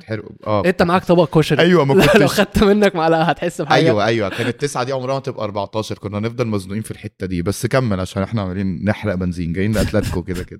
وكويس إن إحنا بناكل من وقت الدوري الإسباني عشان مش طايق شوية. طيب ماشي. طب تع... يعني توقعك طيب للنهائي قطر طب أنا هقول لك حاجة عن؟ المنتخبات عامة. أنا على حسين عمود حسين صح؟ آه لحسين. لحسين. يا. عم. أنا بحب المنت... ال- المدربين المنتخبات اللي هو عنده فكرة واضحة. بحس إن ده أسهل مع المنتخبات زي ما أنا قلت لك كده حسام حسن عنده فكرة أو لا هو داخل بالفكرة الواضحة دي. لأن أنت عندك نيشن كاملة بتدور فيها على عساكر جنب نجم آه وهو ظهر له نجمين مم. منهم واحد المهاجم سهل إن أنت تطلع نجم مهاجم. على الاقل في البطولات المجمعة يعني مم. هتلاقي بلاد كتير عندها مهاجم كان فشيخ في بطولة مجمعه زي ميلان باروش مثلا مم. بس هو مم. فدي سهل فالوصفة السحرية لتكوين أي منتخب وهتلاقيها لايقة مثلا على المنتخب اللي أنا قلته بتاع التشيك ده مم. نجم اكي ندفيد أو. موسى التعمري عساكر كتير عندهم قدر من المهارة عالي وده سهل قوي إن أنت تلاقيه في بلد كاملة مم. قدر من المهارة مع قدر من الضمير مم. والعيال كلها عساكر موسى التعمري واخد راحة معينة فدي بتخلخل الفرق اللي ضده آه وعندك مهاجم بيكابيتالايز على أخطاء الغير زي في ماتش العراق والحاجات دي فهي. وصفة سهلة جدا هتلاقي كل المنتخبات اللي نجحت خدتها بغض النظر عن كبر وصغر أساميها. فأنت كنت تقدر يعني إحنا ما كناش متابعين طبعا مم. بس الأردنيين كانوا يقدروا إن هم ما يبقوش متفاجئين لأن هم عارفين المدرب وعارفين الجيل مم. وعارفين هو بناه إزاي فدي وصفة وقطر كانت كده بالذات البطولة اللي فاتت. لما لقينا كان جيل كامل كان طالع اسمه من؟ أسباير أسباير بالظبط آه وكان في centre back اللي هو من أصل عراقي. والمعرفش مين البرازيلي والناس قاعدة. يقولوا فرقة مجنسة وبتاع مم. لحد لما عدينا أربع سنين وبقى مجنسين دلوقتي اتنين تقريبا مم. وبقى المنتخب بتاع المعز عليه واسمه إيه التاني اللي جنبه آه، هما الاثنين أكرم يعني عفيف. أكرم عفيف آه. أجمد اتنين من وقت البطولة اللي فاتت كان معاهم. واحد تالت مش فاكر اسمه. فانت خلاص بتبني حاجة جيل ما انت خد بالك الناس دي ما بتبنيش لبطولة وتخلع مم. تبني جيل عشان تكمل بيه 3 4 سنين الجو ده. ده اللي قطر عملوه وناجحين فيه لحد دلوقتي مم. قطر على فكرة في كل اللي اتاهلوا ووصلوا وعملوا ماتشات بتاع كده في البطولة مم.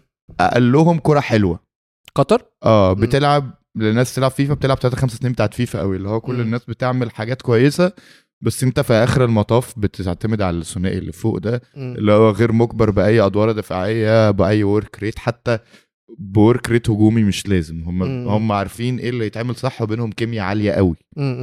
دي دايما المنتخبات بتلاقي الحتة دي. okay. فده فدي في حتة بتاعت آسيا. مين اللي يكسب ال final ال final ده بين مدرستين شبه بعض بس مختلفين في حاجة. جيل لسه في بدايته بيتبني بنفس الطريقة للجيل التاني في. وسطه دلوقتي. فاهم دلوقتي انت في peak جيل قطر. كانوا هم بي design وا ان يبقى peak جيل قطر ده جوه كأس العالم مم. ما حصلش بس هو بي peak دلوقتي مم. البطولة اللي جاية قطر مش تبقى بهذه القوة إلا لو هم محضرين جيل قادم يعني مم. ما مش متابع فمش عايز أقول أشك أو ما أشكش بس الأردن ده هيبقى جيل شبه جيل بتاع السنغال اللي هو لو ما كسبتش دلوقتي فاكر. بطولة الجزائر. ديفنتلي هتكسب اللي بعدها. القطر لو ما كانتش كسبت الجيل اللي فات البطولة اللي فاتت كانت هتكسب كانت definitely بالظبط. آه فهم الأردن في الخطوة رقم واحد اللي قطر في الخطوة رقم اتنين فيه يا وهكذا مم. فأنا شايف إن في في الدورة دي الأحق في اللي اشتغل في ال back office. اليابان منتخب قوي واليابان خطتهم مش دلوقتي. خطتهم لسه للمستقبل إن. هم في كأس العالم في 2050 يبقوا واحد من ال top four بتاع مم. فبدأ إيه الجيل يعمل إيه بس هو الجيل ده لسه مش دلوقتي وقته مم. يبقى فيه متوما يبقى ت- ما أعرفش إيه تبسوبه الجو ده كله مم. هيتبني هيطلع كوبو والكلام ده كوريا هو في نهاية جيل مم. جيل بتاع بارك ولي وتشان والجو ده. آه وبرده دخول كلينزمان على الجيل ده يعني عطله شوية. إيران في جيل كويس كان كيروش مم. بدأ يبنيه هو المفروض كان يجني ثماره بس وصلوا حتة إن أنت ت- توصل semi final وتخرج بتفاصيل معينة في الماتش. ده مش ده مش حاجة ضدك فاهم قصدي. إيه والماتش كان فيه تفاصيل كتير وعندهم اعتراضات على الحكم والجو. ده فالمهم يعني في البطولتين اللي وصلوا semi فاينلين ما عدا الكونجو ممكن لا الكونجو حتى كانت بانية جيل كويس بس اتولد بالصدفة اللي هو مم. عندك ناس كتير قوي بتلعب في top level بقوا موجودين في نفس الوقت يعني مم. بس هم دول أحسن أربع أجيال في كل قارة في قاراتهم يعني. أنا شايف إن إحنا وصلنا للنهاية العقلانية أوكي اللي ما فيهاش خد بالك القصص الأسطورية مش موجودة قوي في الاثنين يعني سواء. جيل جنوب أفريقيا ده شبه جيلنا بتاعت ال three-peat مم. إن هم كلهم skeleton أنجح نادي موجود اللي هو سان داونز. مع شوية تحابيش ما أعرفش مين كايزر تشيفز ومين بيلعب في الدوري الروسي ومين مم. بيلعب في مصر والجو ده مم. فأنا فهي نفس الجيل بتاع أبو تريكة كده. بس الأردن نفس الكلام عشان ما نقعدش نعيد كلامنا كتير تمام. فأنت دلوقتي بص مين الناس يعني أنت تقدر تبص للسنين الجاية مين الناس اللي شكلها بتبني حاجة للمستقبل. الجو ده بس. أوكي. أم... إسبانيا. أنت قلت إن أنت مش عايز تطول عليها مع إني توقعت إن آه. أنت هتاخد وقتك. زهقت. زهقت قاعدين أسبوع معصبني الصراحة جدا يعني. طب rant اتفضل. آه، مش هقول لك إن أتلتيكو ال kryptonite بتاع أنشيلوتي بس. أنشيلوتي عنده ميزة هو ما بيعملهاش في أي ماتشات أتلتيكو. إنه مروق لها. بيلعب بال11 مم. وتمام. وبيعمل تغييرات معينة في توقيتات معينة ماتشات أتلتيكو مدريد كلها الموسم ده مم. عمل فيها نفس الغلطة وهي إنه لازم العب مودريتش مودريتش لعيب عظيم مم. ومودريتش هيكسبك كلاسيكو اللي هو. ماتش أصعب مم. مودريتش actually بقى أقول لك ممكن يكسبك ماتش جيرونا الجاي ده آه الحاجات دي كلها بس مودريتش ضد أتلتيكو لو رجعنا نراجع الاجوان حتى لو هنبص على ماتشات بنظره سطحيه جدا. الاجوان كلها جزء من إن مودريتش محطوط في مكان مش عارف يعمل فيه حاجة مم. في ماتش جريزمان جاب فيه جون قعد يرقص كل الناس وجاب جون ده. مودريتش اللي اترقص ليه لأنه اتحط في موقع ما ينفعش يبقى فيه مم. الماتش اللي فات لما نزل أنت دلوقتي طلعت إبراهيم دياز تعب يا عم مم. طلعت رودريجو ما كانش تعب مين يا حبيبي اللي هياخد الكوره يقعد يترافل بيها من 10 ل 30 ثانية. ويقعد يلف كده ويلف كده فيتضرب فيلبس لورنتي إنذار فسافيتش يخش يعترض فيلبس إنذار والجو ده. وأصلا أتلتيكو مدريد بتلعب بس من على الأطراف بقالها مئات السنين. والجون جالك من على الأطراف والجون اللي في الم... في اللي قبله جالك على الأطراف وماتش الذهاب اللي خسرته 3 1 التلات اجوان من على الأطراف. والراجل غلط غلطة وما لعبلكش لينو من أول الماتش آه فأنت يا جدع بعد ما كنت قافل له الأطراف طول الماتش و dominating. وكنت قافل له طرف منهم بفالفيردي. فالفيردي الماتش ده لعب طرف ما لعبش نص. علشان يأمن على لوكاس عشان يأمنه على كارفاخال عشان ما يسيبوش واحد على واحد. فأنت ابتديت. الماتش perfect قمت مساحب قمت ساحب الاثنين وعرض لك الملعب في رودريجو وإبراهيم. وقمت منزل لي مودريتش وسيبايوس. وعملت لي الملعب كده تاني. سبت لهم الأطراف يعيشوا فيها. والجون جه إزاي. كرة مرفوعة من على. اليمين. كامافينجا ما طلعش من القلب عشان يقابل. اللي هو لو رودريجو كان موجود كان هيبقى واقف قدام الرفعه فالواد كان هيضطر يعديه على الأقل. فمش هيرفع من ال position ده راحت لو واحد جوه منطقة الجزاء مش قادر ألوم المدافعين لأن ده مش دورهم بس أقدر ألوم ناتشو مم. واحد رايح الكورة من فوق كارفاخال وناتشو لسبب ما هو بس اللي يعلمه قرر يطلع برجله مم. غالبا ما كانش شايف لورنتي لورنتي حطها placing بدماغه الموضوع مم. unchallenged تماما ناتشو لو طلع بدماغه الكرة دي كانت مستحيل تبقى جون. غير اللي شالهم اللي برضه كلهم من كرة عرضية اللي كل خطورة أتلتيكو مدريد ابتدت مع خروج رودريجو وإبراهيم بس معلش لحظة. ونزول سيبايوس ومودريتش. أوكي بس هو كان منطقيا جدا إن أتلتيكو مدريد في ماتش زي يكونوا يكونوا بيلعبوا على العرضيات لأن أنت بتلعب طب ما تقفل العرضيات. أيوه. هو اقفل ده حلك ال- عشان أنت بتلعب من غير centre باكات. جميل. تمام؟ ما ينفعش كارفاخال حتى كانت بانت جدا في الجون كارفاخال ازعه بالظبط. عمل اللي عليه. وطلع في ال head وكل الكلام بس ده. ضعيف. بس انت ما. تقدرش تطلب منه أكتر من كده. لا، لا، ما عنديش مشكلة. فاهم؟ فأوكي أنا معاك إن هو كان الحل إن هو يأفويد الثغرة دي إن هو يقفل العرضيات من البداية. مم. فأنا متفق معاك على اللي أنت بتقوله في حتة آه، أنشيلوتي الس- السذ- السذاجه بتاعته إن هو أكيد كان يقدر يعملها لأن هي دي بسيطة يعني. سذاجة هو جبن. هو قال لك أنا هقفل العمق عشان حتى لو رفعوا ناخد الكرة من العمق. طب الكرة اترفعت وما عرفش ناخد الكرة من العمق أنا كنت حضرت من قول 10 سنين مش فاكر إمتى يعني كان في كده بتاع معمول كان في مدربين وما أعرفش. المهم يعني كان في واحد شغال في الاتحاد الويلزي كان بيحكي على ماتش. هم مش فاكر كانوا بيلعبوا في كرواتيا ولا فرقة يعني بتلعب آه صربيا. كل لعبها من على الأطراف وهم. بيذاكروه فقال لك إحنا نقفل إزاي نوقف الرفعة دي قال لك هو. صربيا بترفع في الماتش بتاع 30 مرة بتيجي مرة مم.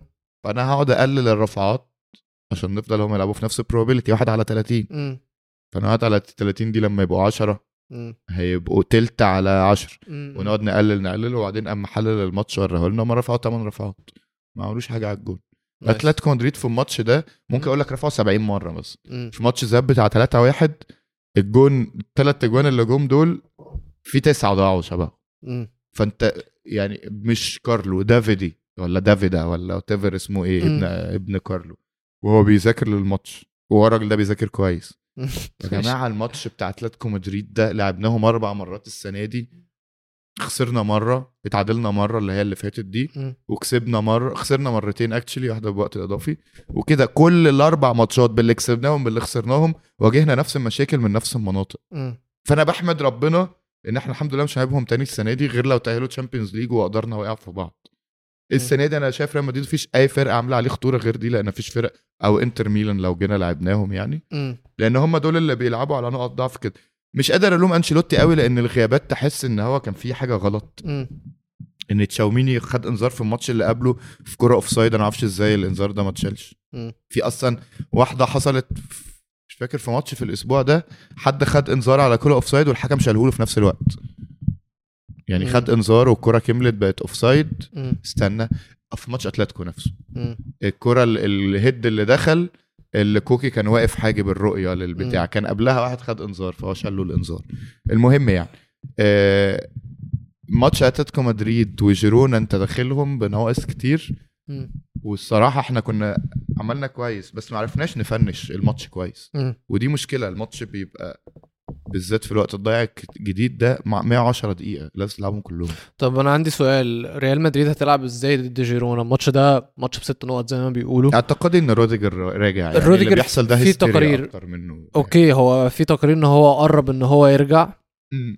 هيلعب بروديجر وناتشو لا تشاوميني ناتشو مش سليم وناتشو بقى له شوية فورمة هو بائسه آه شوية هو عودة عامة روديجر مهمة جدا علشان الواد المهاجم بتاع جيرونا ده اللي هو دوبريف د- مش عارف اسمه إيه. دوفيك أيوه هو ده آه، أنا- محتاج حيوان زي روديجر إن هو يعرف ه... يباركه. كنت بعيط أصلا وقت اشاعه الاثنين اتصابوا اللي هو يا نهار أسود دوفيك هيلعب على كارفاخال آه، مم. ما كانش ناتشو حتى وتشاوميني ده ده, ده ضحك فشخ. لكن تشاوميني مش هقول لك هيعرقشوه كده. بس هيعرفوا يحجموا نقطة الحركة بالذات إن تشاوميني مع روديجر للي اتفرج عليه بي... بيطلع يقابل بيستبق. لأن روديجر سريع كفاية إن هو. ياخد الوقاية على كده مم. أنا ما شفتش فتحتش النهارده الأخبار صحيت. بنسجل أهو على طول. ما أعرفش روديجر إيه نظامه بس هو اتمرن امبارح اتمرن. مع المجموعة ما اتمرنش لوحده. ده كويس النهارده هو اللي دايما اللي بشوف ده ال final يعني ناتشو مم. لو اتمرن النهارده probably هيبدأ بس أنا ما اتمناش إنه يبدأ مهم جدا بالنسبة لي جدا إن كارفاخال يبدأ back right centre back. طبعا لأن هي ال patterns بيلعبوا بيها هو كله سافيو ودوفيك مم. وسافيو بيلعب على عدلة رجله فمحتاج back عامل زي كارفاخال كارفاخال بيتألق على الوينجات اللي بيلعبوا على عدلة رجلهم مم. يعني الماتشات القليله اللي اتألق فيها ضد سيتي لما كان فودن wing شمال. لما كان جريليش wing بقى في الماتش اللي بعده ما عرفش يتعامل. فأنا أعتقد سافيو لازم يبقى موجود كارفاخال. آه، دوبفيك في حضن روديجر وتشاوميني هيفضل خطر لأن هو مهاجم خطر قوي مم. بس تمام وأنا أعتقد إن جيرونا هيملوا نص الملعب لا هيحطوا بورتو. ولا يحط الواد الأوكراني التاني ال wing ده مم. في اعتقادي إن هو هيزود هيريرا وهيزود فاليري في نص الملعب. كده كده هو معاه أليكس واسمه إيه مارتن التاني اللي هو الاثنين ال double pivot اللي بيلعب بيهم. جوتيريز خطر بس في وجود فالفيردي حاسس إنه هيعرف يحطه في الجيب شوية مم. حتى لما بيخش الدخلة اللي في قلب الملعب دي. الماتش ده لازم فيه توني كروز الماتش ده لازم مودريتش ما ينزلش فيه ولا دقيقة آه آه، أعتقد فينيسيوس هيبقى جاهز الماتش ده والماتش ده مهم جدا جدا جدا ليه لأن كوتو بيسيب وراه مساحات كتيرة كوتو ده ال back. right. وكوتو مش أقوى واحد في مش أقوى حد في الواحد على واحد مم. وكوتو كمان بيحب يهجم بغض النظر مين ال- ال wing اللي قدامه الماتش ده الوحيد هتلاقيني طول الموسم اللي نفسي إبراهيم يبدأ على رودريجو لأن المساحة اللي بتتس... اللي على بليند دي. عايزة واحد تف... تفتيش على عدلته آه رود... رودريجو هيروح ي... ي overload. الناحية التانية وده هيسهل على اسمه إيه ده على بليند في ال build up. محدش هيبقى ضاغط عليه وفي الطلوع بالكورة. يعني لما هو مثلا هم خدوا هجمة هينزلوا على بليند هيطلعوا على طول. مم. لكن لو إبراهيم في الحتة دي هتلاقي فيه دايما وإبراهيم بيضغط حلو قوي. مم. هتلاقي فيه دايما في حتة رخمة كده.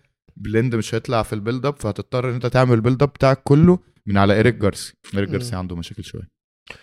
ماشي. اديتك زيتونة الماتش كله. آه آه آه لا لا 100 100 إحنا لمينا عامة يعني. آه آه لمينا لمينا اسبانيا بصراحة بصراحة كنت عايز أتكلم على برشلونة بس نسيب ال beef ده لحلقة قادمة. لما يكونوا relevant أكتر يعني لما يكون هنتكلم لا, يبقى ده في سنة قادمة. قول قول قول. إحنا كده كده حلقة طويلة ممكن نبقى نقطعهم. reels لقدام. لا لا لا أنا هسيبها في حلقة قادمة. عايز أروح. عشان بس إنجلترا فيها كلام كتير. تمام؟ في دلوقتي أرسنال كسبوا آه ليفربول. أرسنال فشخوا ليفربول. أرتيتا حط على كلوب. أرتيتا من وجهة نظري عمل ماتش على كلوب عظيم. ولكن ده بيرجع ال conversation تاني وبيحط ارسنال فيها بتاعه الصراع أو السباق بتاع اللقب.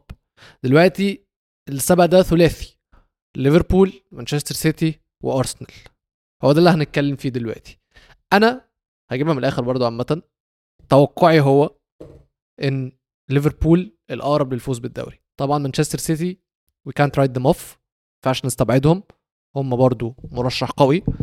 ارسنال بناء على المستوى برضو مرشح قوي ولكن ارسنال الفكرة إن هم عندهم تاريخ من ال bottling. فأنت ارسنال عمرك ما هتثق فيها إن هي تكسب بطولة غير لما يكون الكاس مرفوع.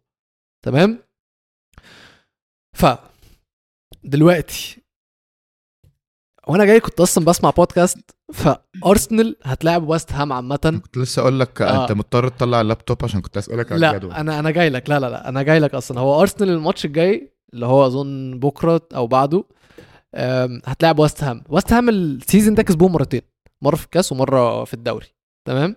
وارسنال معودينا عادي جدا إن هم يعملوا ماتش العمر وممكن الماتش اللي بعده عادي جدا يعملوا ماتش زي الخرا ويضيعوا فرصهم. يعني هم لو الفترة دي إحنا بنتكلم إن هم title contenders ممكن عادي الماتش الجاي يخسروا ويطلعوا أصلا من السباق مم. عامة. أنا لما سألتك أنت قلت إن ممكن على تويتر إن ممكن يكون فوز أرسنال ده يضيع الدوري على ليفربول زي ما ليفربول ضيعوا الدوري على أرسنال الموسم اللي فات. أنا مقتنع بكده. مظبوط. فأنا قلت لك هل أنت شايف أصلا إن أرسنال هتكسب الدوري؟ قلت لي لا أرسنال شايف إن هي تكسب صلاة النبي. بالظبط. آه عارف آه سيتي عامل زي الصهيوني اللي بيوقع بين الناس فالناس تقعد تتخانق مع بعض بعدين يطلع في الآخر كسبان. كل حاجة يقول لك أنا يا بنتي. هو ده اللي بيحصل في السيتي أيوة. دلوقتي. مم. السيتي سايب الناس سايب جمهور أرسنال وجمهور ليفربول بما إن هم ما عندهمش جمهور يعني مم. سيتي يعني. يقعدوا يقفشوا في بعض وده يقول له يا bottler وده يقول له يا بتاع الصيوحه كلوب. وده يقول له يا بتاع المعرفش إيه مين وده. يقول له يا يا بتاع ساكا وده يقول له بس يا بتاع دياز ويقعدوا هما اتنين يقفشوا في رقبة بعض وبعدين فجأة يبصوا يلاقوا بيب مخلص وهم كل واحد كل اللي كسبوا زمارة قدامه.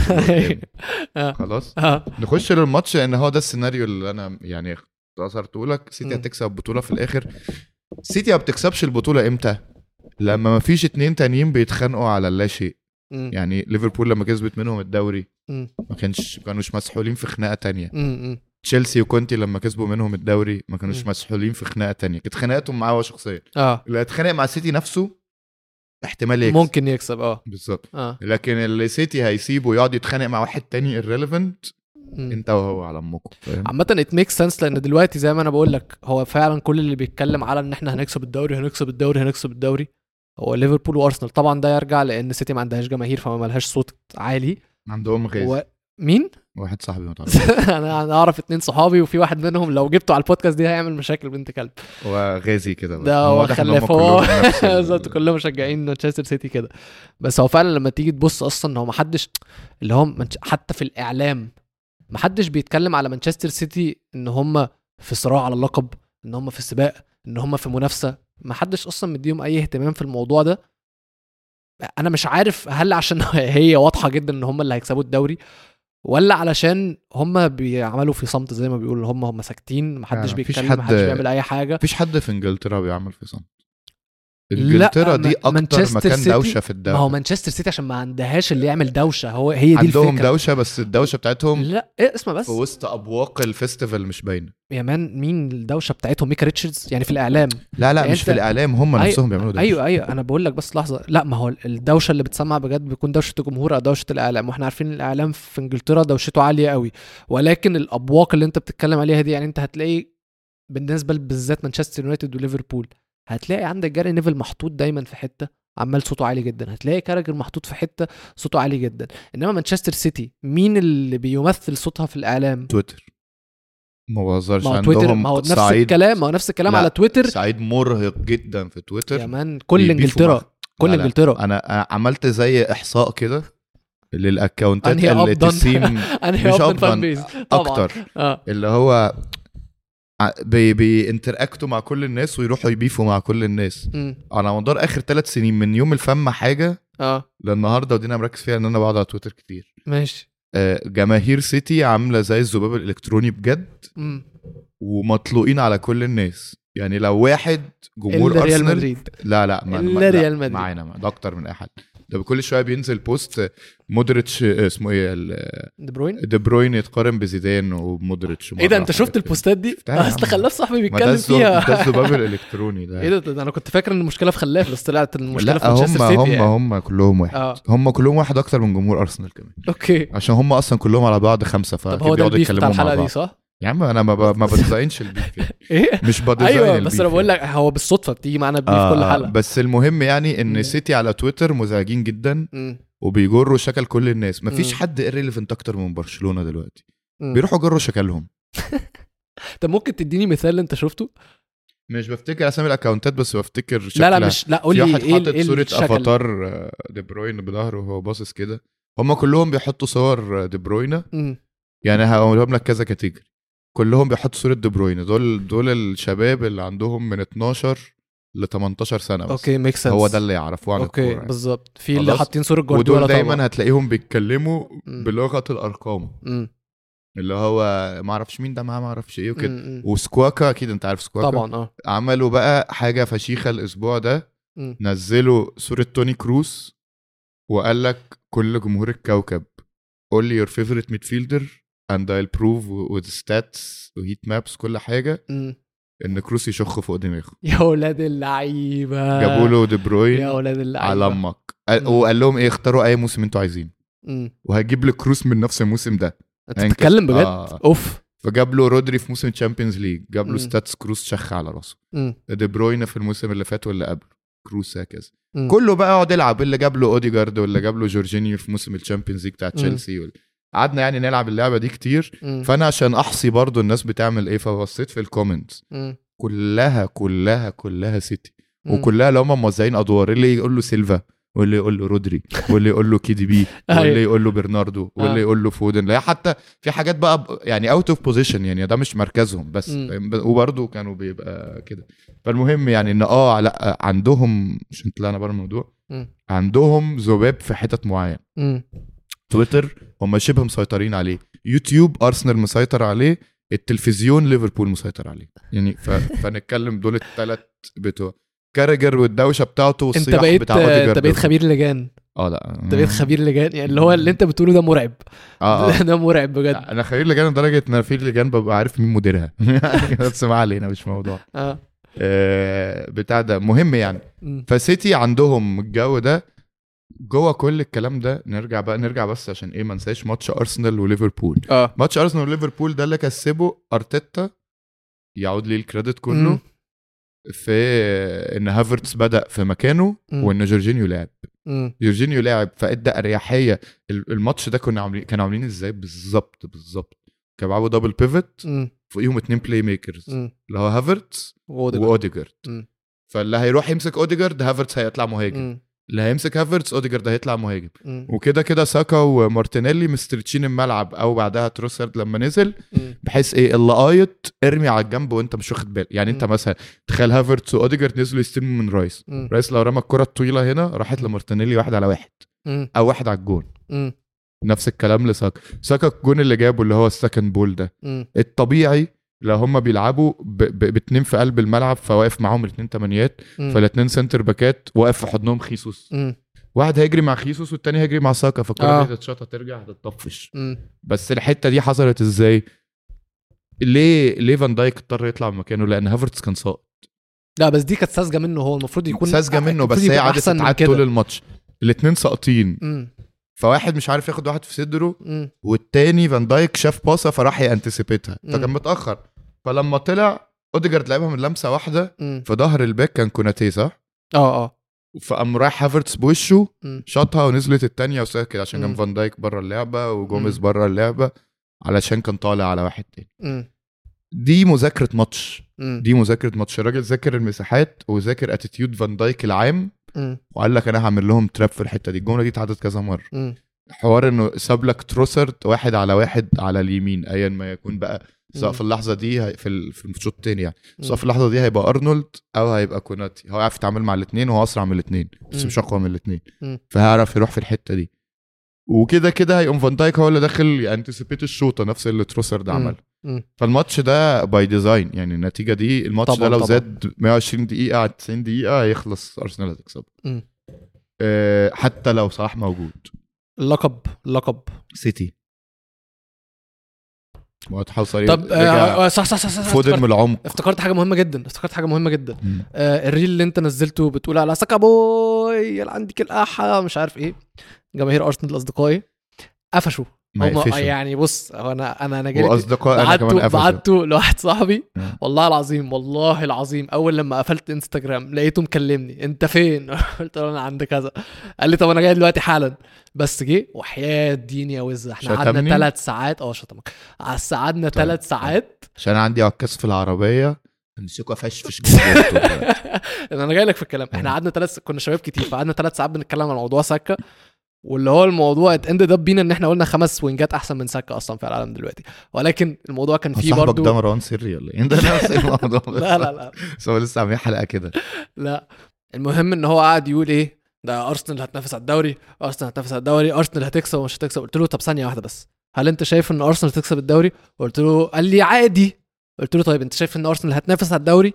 قال لي آه. قلت له طيب ممكن تحدد لي يعني إيه. ممكن تحدد لي يعني إيه؟ هتنافس على الدوري. لا أنا جبت قلت له فكرة إن أنت شايف إنك بتنافس على الدوري ده إنجاز ده في حد ذاته حاجة حزينة يعني. ما ينفعش ما ينفعش اللي هو تفكر فيها بالطريقة دي. ولكن المهم إن هو قال لي آه، أو أنا قلت له ممكن تحدد لي يعني إيه هتنافس على الدوري؟ قال لي يعني إن إحنا هنكون قريبين من إن إحنا نكسبه قلت له طيب بص تعالى نعمل إيه؟ تشالنج معنى إن أنت ارسنال هتنافس على الدوري إن هي لو ما كسبتش الدوري هتخسره بفرق ثلاث نقط أو أقل. مظبوط. قال لي مظبوط. قلت له بقى أنا أصلا شايف إن أرسنال هتخلص مركز ثالث. أرسنال مش هتخلص ولا أول ولا تاني. بس فقول لي بقى أنت هل أنت شايف إن أرسنال تقدر تنافس على الدوري بمعنى إن هي لو خسرت يا تكسب الدوري يا اما تخسره بثلاث نقط أو أقل ولا إن أرسنال أصلا هتخلص في المركز الثالث هو التالت زي التاني بالنسبة لي في اللحظة دي ما بس هي دي الفكرة لا لا يعني أنا مثلا أقول لك حاجة. 90% من الدوريات اللي ريال مدريد كسبها في آخر 20 سنة اللي هم مش كتير يعني. أقل من برشلونة.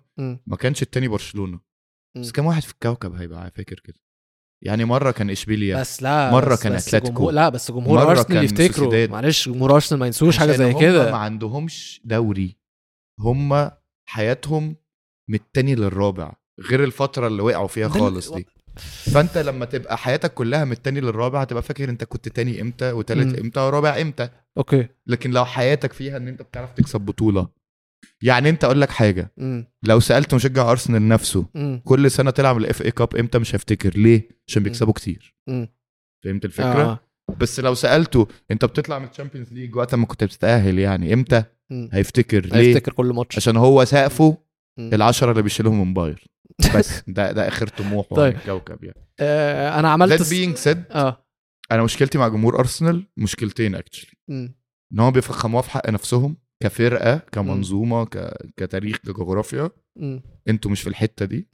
أنتوا في جيل دبسكوا وخلع فلنعترف يعني لما تقعد مع ال therapist بتاعك هيقول لك إن هو كده فتقوم هزز راسه وتقول له ماشي. عشان تتعالج. الحاجة التانية إن دايما لعيب أرسنال أحسن لعيب في مركزه. weirdly enough يعني زمان كان فابريجاز أحسن من تشافي وانيستا راح لعب مع تشافي وانيستا عارف هو شخصيا إن هو مش أحسن من تشافي وانيستا. خلاص. كازورلا اللي أنا بعشقه مم. أحسن من ديفيد سيلفا. أحا. خلاص؟ ماشي ماشي. آه جيرو. وحي جيرو مين يا أولاد ال... فاهم؟ ده ناقص يوري مروان شماخ جامد كمان فاهم؟ كان في شوية حاجات كده عجائبية. ماشي. في آه، اسمه إيه اللي بيتصاب ده؟ اللي كان هيبقى أحسن ديابي؟ من آه كان؟ هيبقى أحسن من توريرو الإصابة.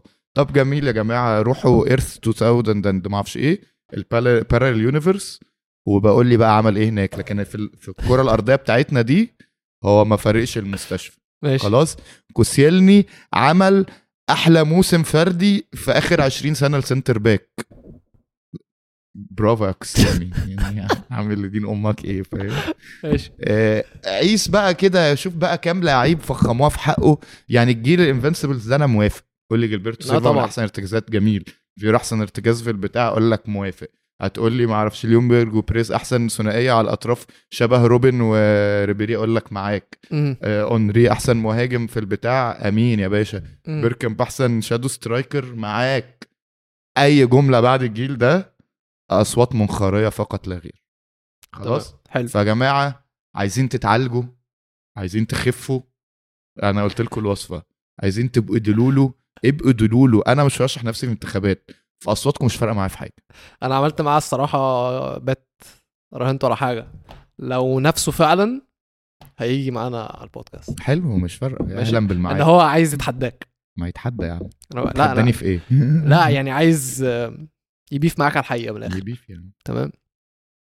طب حلو شوف لنا بس الناس تيجي تبيف معايا. في- كده عندنا ارسنال أها. عندنا ناس مستحيل يواجهوني مش هقول اسمهم. مهم. عندنا المغرب. أنا لو لقيت واحد مغربي هاتهولي. ماشي صعب بس ماشي. برشلونة دول مرميين على. قفا من يشيل لا ولسه البيف لسه. لسه ما بدأناش البيف معاهم. أنا أنا مجهز أنا مجهز شوية بيف لبرشلونة. عندنا مين روعة تاني؟ روعة. ليفربول أنا أمين معاهم. يونايتد أنت قاعد أهو. وياسين ساعات بيبعت لي برايفت لا بس. تمام. في حد تاني ريليفنت ما أظنش. مش هنجيب حد من تشيلسي يعني. لا بعدين هم عندي أنا عندي إيش مشكلة على تشيلسي إن تشيلسي عندهم جلد ذات يعني هم بيبقوا عارفين لما بيبقوا مالطو عارفين لما بيبقوا بتاع. تمام. طب ما ما ما ما طب ما بجمهور أرسنال ما تروح والله تعملوا العظيم كنت معايشة. مع تشيلسي يمكن أنتوا تتعالجوا وهم يتعالجوا. عكس عكس يعني، جمهور أرسنال يعني هم عكس اكشلي في آخر أرسنال. 20 س- سنة تشيلسي ده يعني هو معلش هو تشيلسي معاه كام Champions League وأرسنال معاه كام يتف Champions على قرعة أرسنال من فوق مش يتف في وشه حتى لأن هو هيبقى بيكلمهم فوق قوي. ده ويست هام يا جماعة أنتوا ممكن تلمعوا له الجزمة عادي. ويست هام واخد كو... واخد Conference League من سنة. يا جماعة أنتوا أنتوا بعيد قوي. أنتوا أنتوا لا تتكلموا مع ليستر. ولا تتكلموا مع ليفربول ولا تتكلموا مع ويست هام. و actually ما تتكلموش مع توتنهام. لا تتكلموا مع توتنهام. لا لا مش. الدرجة بس دي دول وصلوا final Champions League بس برضه توتنهام مضحوكه يعني. ولا تتكلموا مع مين تاني؟ عندنا في مين تاني؟ لا يتكلموا معاكم أنتوا أنتوا مالطا زيهم. طب أنا مال أنا لم عادي أنت قاعد جنبي. مين تاني؟ طبعا ما يتكلمش مع سيتي ده, ده ضرب من الهطل. إلا لو هي خناقة بقى أنتوا فانتوا عددكم أكبر فتخشوا تضربوا غازي لوحده. بس. غير كده مفيش يعني. كده إحنا نكون وصلنا لنهاية الحلقة. شكرا لكل الناس اللي سمعونا تابعونا اللي مش عامل subscribe للقناة ما ينساش يعمل subscribe للقناة على يوتيوب. واللي بيسمعنا على Spotify يخش على قناتنا على يوتيوب ويعمل subscribe follow us على انستجرام وعلى تويتر هحط ال social media accounts بتاعتنا موجودة تحت. واستنونا في حلقة جديدة إن شاء الله. peace يا أهلا بالمعارك.